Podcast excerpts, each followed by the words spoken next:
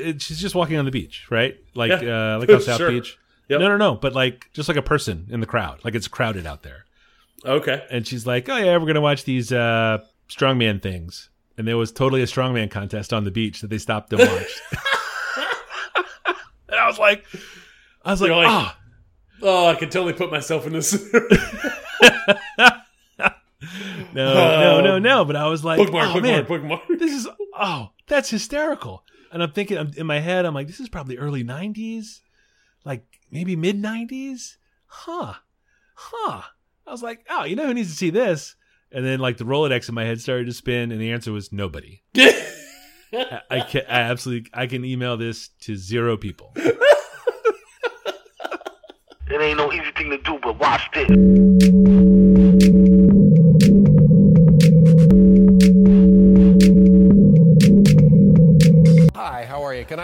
Can I help you with something? How you doing, man? This is the Safe as Milk podcast, where Ab and I get together twice a month to use bad words to talk about things we like.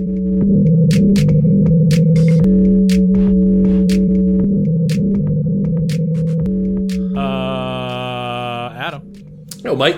you having a drink?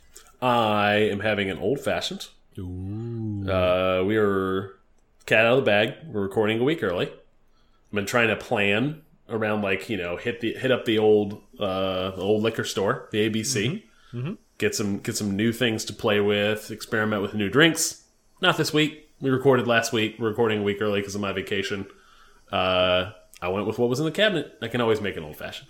You can always make an old fashioned. That's what makes them so wonderful. Yep. How about you? I'm enjoying a Boulevardier.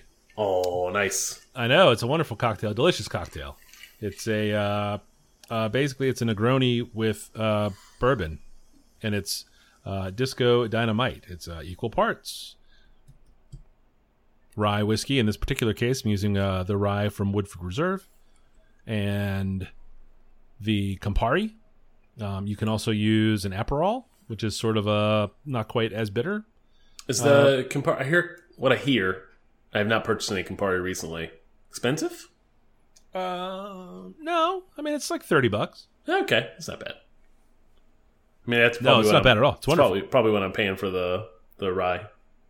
Anyway, somewhere between Yeah. thirty and forty. for sure, for sure. And then the um, uh, sweet vermouth, you give it. Uh, I didn't have an orange peel, so I went with the lemon, so it adds a little different uh, vibe to it. It's wonderful with an orange.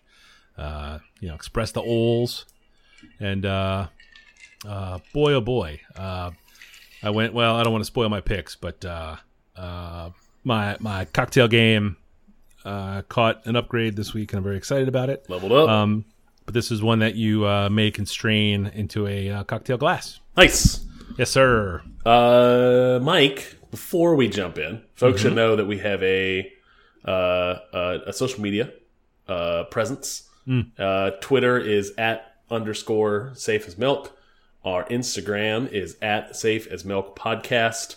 And show notes for this show and many more, uh, all 111 of them, can be found at safeasmilk.fireside.fm. We have a little bit of baby follow up. Nothing crazy. Nothing crazy. Nah, Um, I'll punch mine out pretty quickly. Uh, Hit Parade, uh, a podcast about podcasts. Uh, Hit Parade is a podcast that I've uh, talked about here on the show. It's uh, Chris Molanphy is the host. He's a student of the American music charts. Uh, most recently on Phil Collins and uh, his work with uh, Genesis. Are you familiar with Phil Collins? Yeah. Other than ironically, Uh, well, you had to throw that qualifier in there. Uh, the gist of this particular episode is how uh, you know Phil Collins was the drummer in the band Genesis, who was a big deal in the '60s and in the early '70s as a as a prog rock band. Uh, then their lead singer left.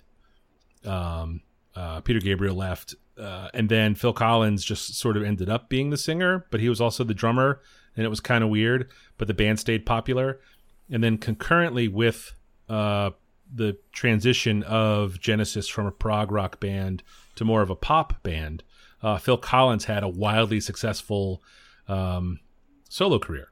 So uh, it, it's a it's a really complete anomaly in the history of the Billboard music charts that uh, a band had uh, two former members competing with the band Yeah. at the top of the chart. Huh. So I know Um, I know an '80s like solo act Phil Collins, Okay. like a late, uh, like a mid to late '80s solo Collins, not Yes. anything else. Yeah, yeah. So the uh, uh, it, it's very funny. Like I, we were a big radio house when I was a kid. The radio was on a lot, and uh, it's really hard to describe if if you weren't there just how um, just ever present that Phil Collins' voice was. um, you know, not the prog rock stuff because that didn't make it to the radio, but when Genesis took like a pop turn, Yeah. and then when Phil Collins was making his pop records, it was absolutely crazy. You, of course, are familiar, very familiar with "In the Air Tonight," um, Yeah. which, which is the punch out scene with Mike Tyson in the movie The Hangover. That drum break there. Yep. Um, Doo doo doo. he he sort of invented that drum sound accidentally in the studio. Um, just the way they, they oh boy, this is gonna be a long one. Is this your third old fashioned? uh, this is my first old fashioned. Followed pre, pre, pre-game to three beers at Hardy. oh, this yeah, this is gonna be a good one. uh, my edit. Uh, uh, hard to describe how everywhere these guys were in the early '80s. Uh, this is a, it's a really well done podcast. Um, I could see where maybe uh, his voice might not be your cup of tea, uh, but if you have an interest in pop music in the United States, uh, recommend highly. It's in the uh, uh, what's the big family of podcasts? Slate. It's in the big Slate family. okay, yeah.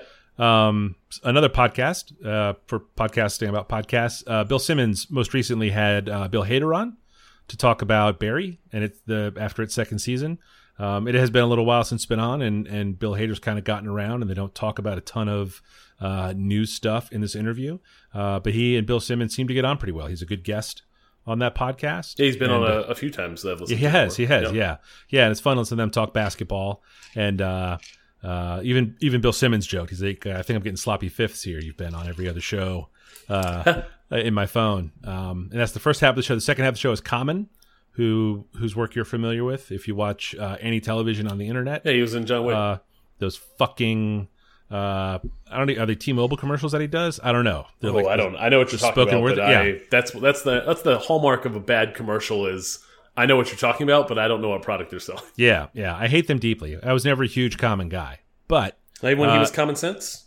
uh, no, no, Okay, nope, nope. Um, he he had a like an underground like was backpack rap like career way before all the pop stuff. Yep. like, like the pop rap stuff. pretty bad do. I know. I Yeah. know. But he has a lot of cool Chicago stuff. He tells some cool Kanye stories. Um, he's super plugged in. Obviously, he's a big famous guy now. Um, uh, it's a it's a unusual pairing of guests in that they didn't have they both didn't have a ton of time for the big two hour sort of Simmons interview. Sure, Um, he likes but- long.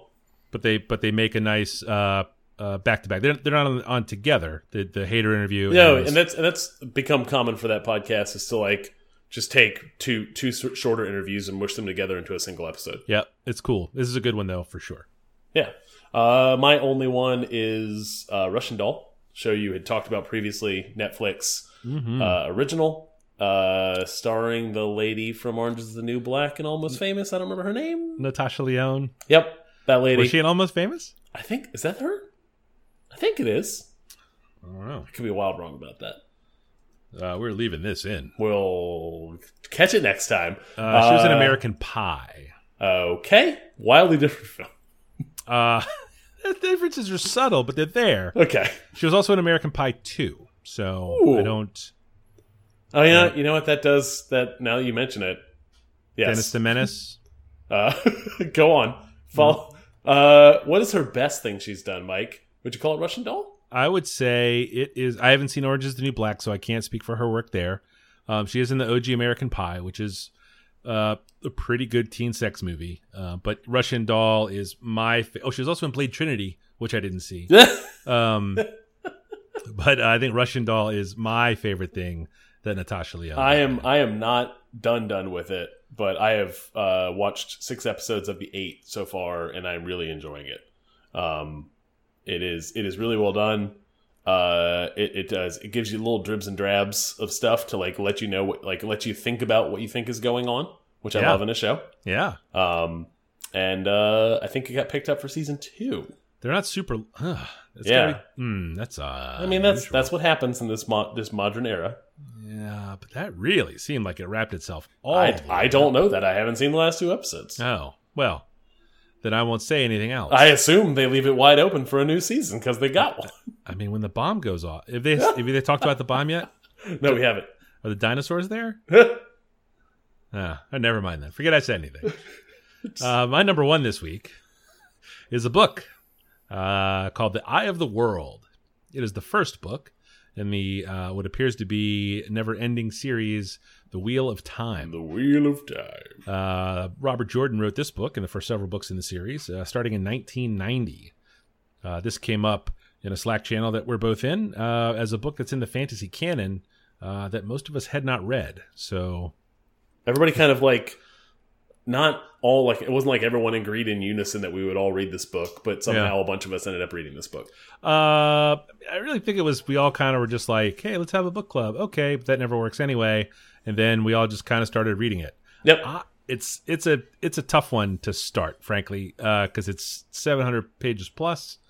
Um, uh, I had when I drove to Chicago uh, a couple of months ago. I actually this was this was the audiobook that I downloaded and listened to, and I got through 40 percent of it on the you know 12 hour drive to Chicago, yeah. um, which gave me a tremendous head start.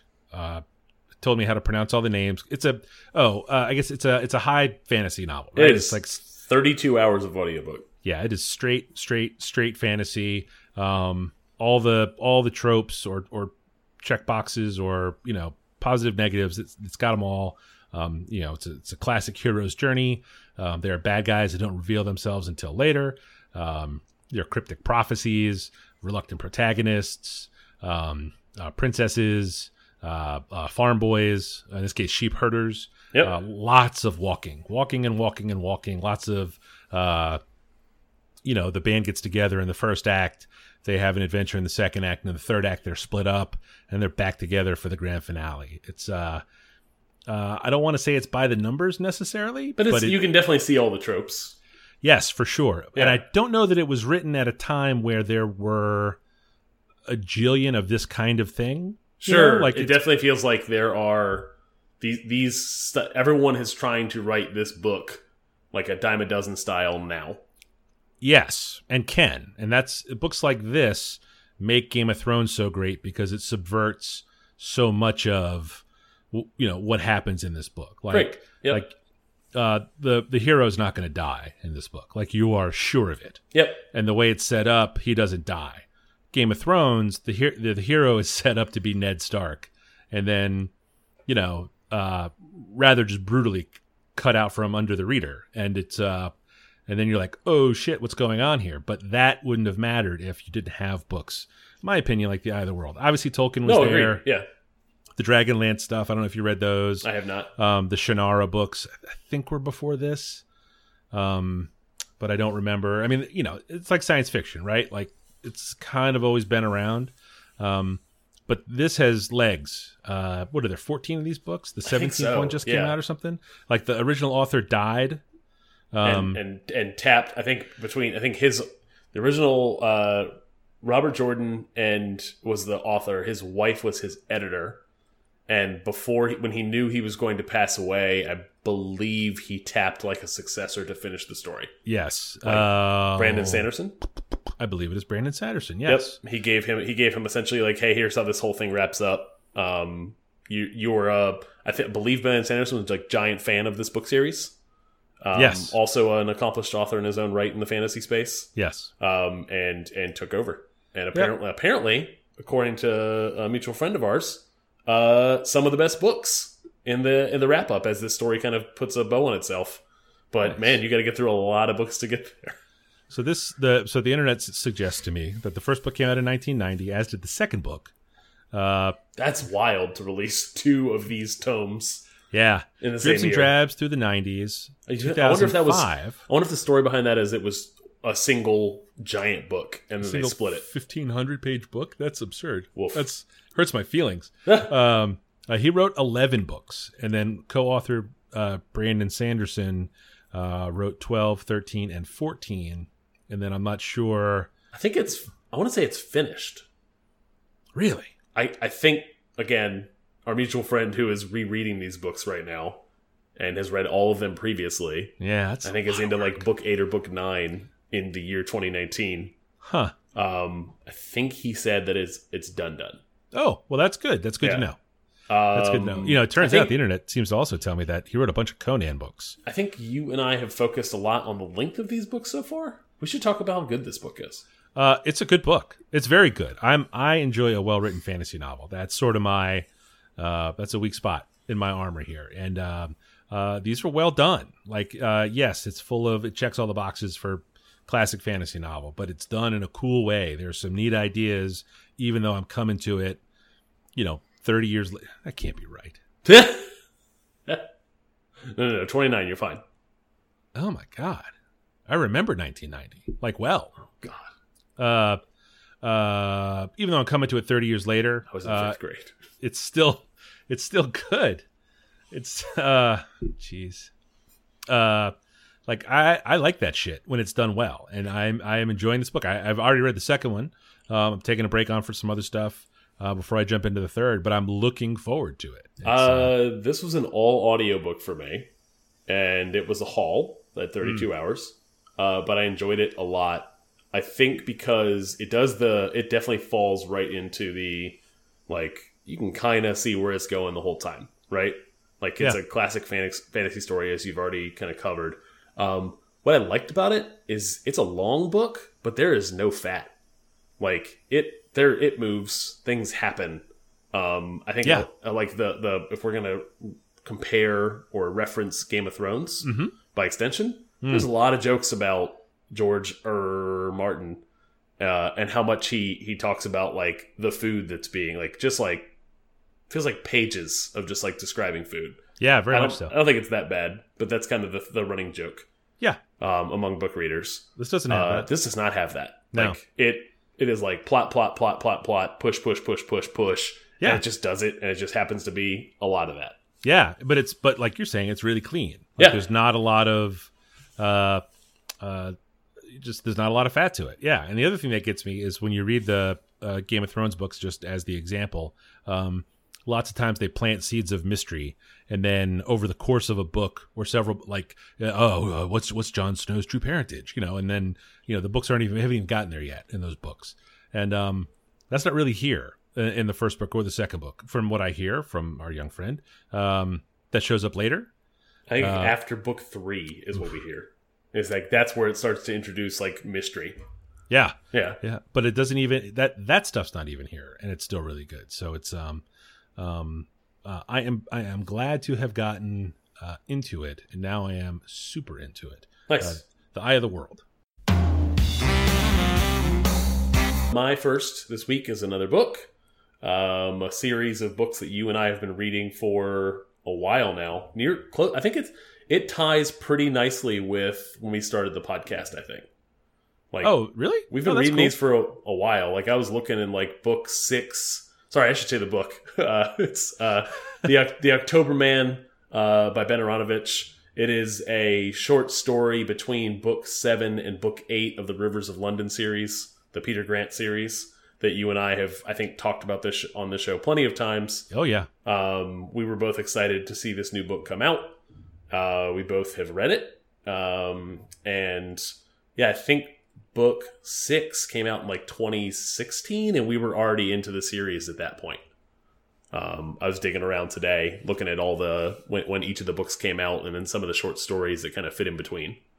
Um, in any case, this is the uh, first like full full length, full published short story that does not star Peter Grant um, as its title character or main character. It is set in Germany. Um, it follows another police officer who is involved in uh, essentially investigating magical occurrences um, in a in a modern era. Um, uh, it is uh, it acknowledges the London office, the London branch, uh, Peter Grant, uh, Nightingale from the rest of the series, um, but it's its own standalone thing. Um, it's its own like essentially like two bookends, like uh, like full mystery from here. Here's the mystery introduced, and here's the resolution um, yes, and then and then leaves a little bit of threads to to do a next do like what happens next with this this these set of characters. So much better than that crummy audiobook thing. Yes. Oh yeah, that that audiobook and I'm not going to remember a cunning device I believe it was called. Yeah. Apparently that was I was looking today. That was a short story that he wrote in wrote and published in like I think only ebook back in like 2016, 2015, like a while ago and Yeah. then I think I only became aware of it because they made it into an, an exclusive Audible audiobook. Um and it was free. Uh and it wasn't it That wasn't doesn't an- mean I have to like it. it wasn't enough. It was, It was Yeah. it was not that great of a story, and it wasn't enough. But October Man is a full a full. It was uh, again more audiobooks for me. It was a just four just over four hours audiobook, um, so not a huge investment to listen to it. Yeah, yeah, yeah, for sure. Just a Um, short novella. It was quick. Um, I am mixed on it. Uh, I like the world. I like the style he writes in. In terms of like the the the mystery that is presented, like uh, it felt like it dabbled too much in stuff in concepts that have already been introduced. Um, How do you mean? Uh, I don't want to get too much into the like how the plot resolves itself. the plot. Yeah. Yeah, Hmm. but like uh it, it it covered it hit a couple of notes in the book that I was like, oh well they already kind of did that thing in the Peter Grant thing. Ah. And it kind of did that thing of like we're so by example, we are in book 6 now of the Harry Potter audiobooks as a family when we go when we go out and drive in the car. They're Right. they're long and if we're going to a soccer practice it's going to take us 30 to get there, 30 to get back. At the beginning of every, you know, Harry Potter book, they They talk they do that thing where the author like explains Yeah. the, the world a little bit for the Yeah. reader that might have forgotten. Mhm. Um, this book does that, and it's only four hours of audiobook. Like, Yeah. I think in like hour three, they were explaining a thing that I've like. it- Oh, ma- yeah, magic like in the magic in the world messes up like computer Electronics, like electronics, yeah. and like the book's explaining to that me that to me the reader in hour three of this short story between seven and eight, book seven and book eight. And I'm like, uh, all right, yeah, I, I got that. Like, I didn't need that. Um, o overall, I'm mostly a thumbs up on this thing. Yeah. Um, what, Now, what do you think thoughts? it could stand alone by itself without reading any of the other books? Ah, I think I think so. Yeah, I think it could. I think the I would say the first Rivers of London book is a way better book, and that if I was going to recommend Yeah. someone start, I'd say, hey, go back and read that first book. It's great. Yeah. But then if you wanted to like stay in that world, this is certainly a, a good entry in that space if you're already invested. I wouldn't Yep. say this is a great starter book. That's good. I, I agree with you there. I would agree with you there. I think that um, um, I would agree with you that it's only an okay entry in the series. Um, you know, I didn't love it, uh, but it was nice to sort of get back into uh, Aaronovitch's sort of voice and flow. Um, uh, I, I like I like the way he puts a story together. I'm into it. I think Vanessa Sommer is from the main books, right? Didn't they bring her in from Germany to do something? Ooh, I don't remember that. I think that the way they introduced her seemed to suggest that maybe I should already know who she is, and I and I didn't. Um, but that would sort of explain maybe why she wasn't afraid of all the magic that was happening. Um, not 100% on that. Uh, but I also couldn't help but think how this might set the stage for um, expansion into the United States at some point. Like if he's going to apply this idea, um, it comes out of London, and if it fits in Germany, um, you know, basically just like expansion packs for the starter deck, right? Yeah, I think I think that, that's actually a, a note I had here that I hadn't mentioned yet. Is that I like that he is building the a larger world around Yeah, a concept sure. I already liked. Yeah, and it's a it's a cool it's a cool concept. Um, I and then I started to wonder, you know, if it was to go into the U.S., I guess the the river gods and goddesses would be Native American in origin, I would think so. Yeah, because that how. could create like some Yeah. neat fiction.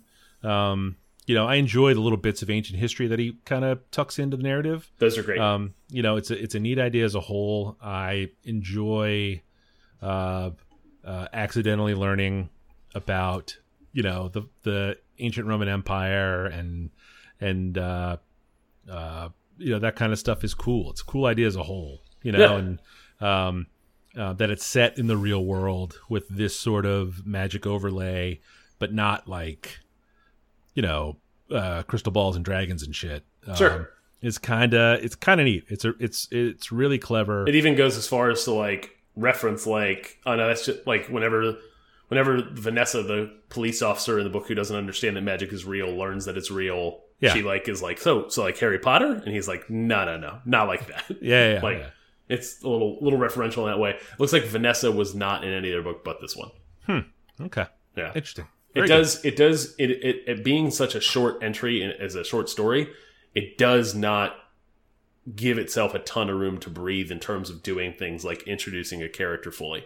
Yeah. Um, yeah. So so I think I I. I could see where you might have fallen into that trap potentially to think like, oh, I, I must know this character already because we just kind of like dove Yeah. both feet in on on who this person was. So uh October Man is my first pick. My second one is uh, a restaurant supply store. As we, as you and I, have gone, uh, have made this transition into having cocktails for our podcast instead of can cold cans of beer. Um, So I much noticed- easier to do beer. uh, yeah, yeah, yeah. It's also fun to do a new thing. it is fun to do a new thing. Explain that to never mind. Um, uh, that's not what she said, as it turns out. The um, uh, the restaurant supply store. Uh, as we've gone on uh, this little cocktail journey, uh, I found that I was lacking some key tools in making like good cocktails, uh, or making them efficiently, not mess, not not like, um, you know, There's, have a good. there's a there are other tools out there that make just make the job easier. They make it the more job pleasant to do. Thank you very much. And uh, the restaurant supply store is a way to do it on the cheap. Uh, you can buy this stuff from Amazon or from, you know, wherever Uncrate sends you to buy bar supplies, but you're going to pay $35 for a long spoon. Uh, and your local restaurant supply store will have all of the shit that your bar buys its stuff from. So the the long spoon that costs $15 at Target costs $2.09 at the restaurant supply store um, uh, without question, you have a local spot in your town. Uh, if you have restaurants there, uh, where your restaurants get their stuff, and uh, it is a, I found it to be a terrific place to stock up on bar junk. Uh, I was able to grab glasses and tools that would have cost me, you know, five times as much at a Crate and Barrel or whatever. Um, and you get the added bu- benefit of being able to see this stuff in person, like a, a shot glass, uh, one of several shot glasses. Uh, you kind of hard to gauge scale and weight. Sure. Um, yeah. you know all the all the different glassware, all the different different kinds of uh, just really fun glasses to to have drinks out of.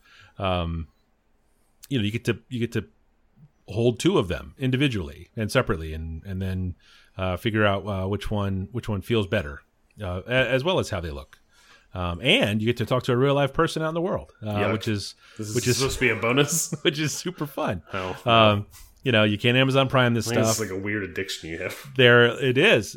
Well, human interaction, you mean? Yeah. Yes. Okay. Uh-huh. Yeah. Yes. It's uh, it's fun. It's fun to go out in the world and talk to people. Nope. Um, and you get, and then and then this stuff is also not only inexpensive, but uh, relatively speaking for glassware, pretty bulletproof. Um, because it's getting knocked around uh, behind a bar, and then it's going into an industrial dishwasher, and then it's getting you know racked on a shelf, um, back out at the bar, you know, four or five times a night. So it's uh, it's classy looking, it's right sturdy, and uh, it is inexpensive. I I think I could go there without talking to somebody and buy things because I've done that at a lot of stores, at almost every store I go to. I mean, Uh, I'm up for I'm I'm definitely up for taking the trip just to see the stuff. I'll go with you. Uh, I like a field trip. I love a field trip. See, I'm down for field I'll trips. let you talk to people while I roll my eyes and then go shop by myself. I'm super good at talking to people. well, I don't know about all that, but I super like talking to people, Uh, and that's my number two. Uh, my final pick for the week uh, is an app called Duolingo. Um, it is a language app that was it's been around for a while. I think it's pretty well known. If if you go around looking for what app you might use to learn a new language, uh, this is going to be in like in that top five list or whatever.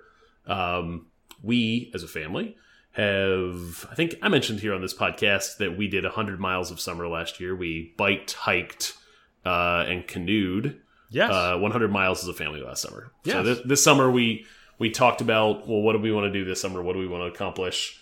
Uh, we decided on two things. Um, One would be to find 100 geocaches, and I can get into that in a later podcast, maybe. Is this Um, your number three? Are we doing threes now? What the fuck's going on here? No, Mike. Number two on our list is what we would do as a family is that we would uh, start to learn Spanish. Um, so we have uh, started off with ordering Spanish flashcards um, on the internet.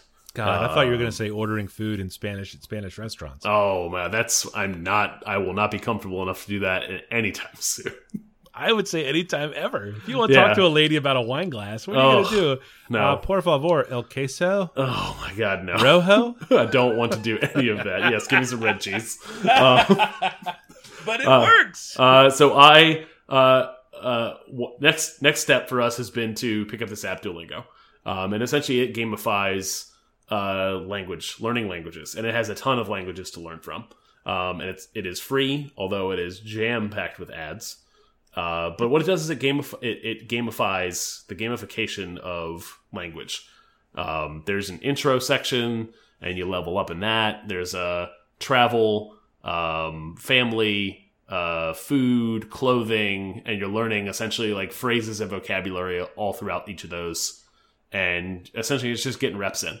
And then the gamification part is you're earning experience. You're getting like bonuses for stringing together streaks of days where you complete all of your da daily lessons. Um, there's a leaderboard with your experience, and you can level up through the leaderboard. I went from the bronze league to the silver league over the weekend. oh um, shit, dog! Here we go. I know. Uh, I, I am only. I think I'm on day eight uh, of using this application. Um, I, I like it in the same way that I liked uh, learning language in this method, um, or any method, I guess, in the same way that I liked using it, like playing with the Rubik's cube. Um, It just forced me to flex flex those muscles in my brain that uh, as I get older. Are you watching Um, videos about Spanish language? Are you watching videos that are in Spanish so you can practice comprehension? I am not yet. Damn it! we're we're eight days in, and I took French and Japanese in high school. Like Spanish is pretty. Ah, konnichiwa. pretty pretty out there in terms of like I, I don't remember most of the French that I took, and I know they're very similar in terms of romance languages. But I'm starting from square one with Spanish. Uh, Square Uno. Oh, thanks. What's square? You know, say L square. El Esquire. Uh, so so the family's committed for better reasons than I am. I'm I'm in just because I'm interested. Uh, in, in in I've always been interested in learning a second language. I'm a I speak a single language, uh, and and not that well English. As a longtime editor of this podcast, I can tell you. Uh, uh, my wife is a teacher. Uh, I think this year, uh, this year she had six different six students in her classroom that uh, only were only spoke Spanish. Yikers. Um, and then that number has grown in the you know ten plus years that she's been teaching now. Um, the my son plays uh, travel soccer. He has a kid on his travel soccer team in the coming up year long season that is only a Spanish speaker, no English. So he wants to learn to speak to his uh, teammate when he's playing um, on and off the field. so is he, uh, does he have a just pass me the fucking ball flashcard yet? Uh, kind, kind of, yeah, El balón. yes, El balón. Aquí. uh, yeah. So uh, yeah, it, it'll be a it'll it'll be a fun thing this summer. Uh, I'm enjoying keeping up with the app. Uh, Duolingo is my second pick. And that is the end of the podcast. And in the end. If someone wanted to see you on the internet that wasn't this podcast, Adam, where on earth would they look? 180lunches.com and 180lunches on Instagram. Mike, how about yourself? I am Falfa, F A L F A, all the places, the gram, the tweets, sheets. and the sheets.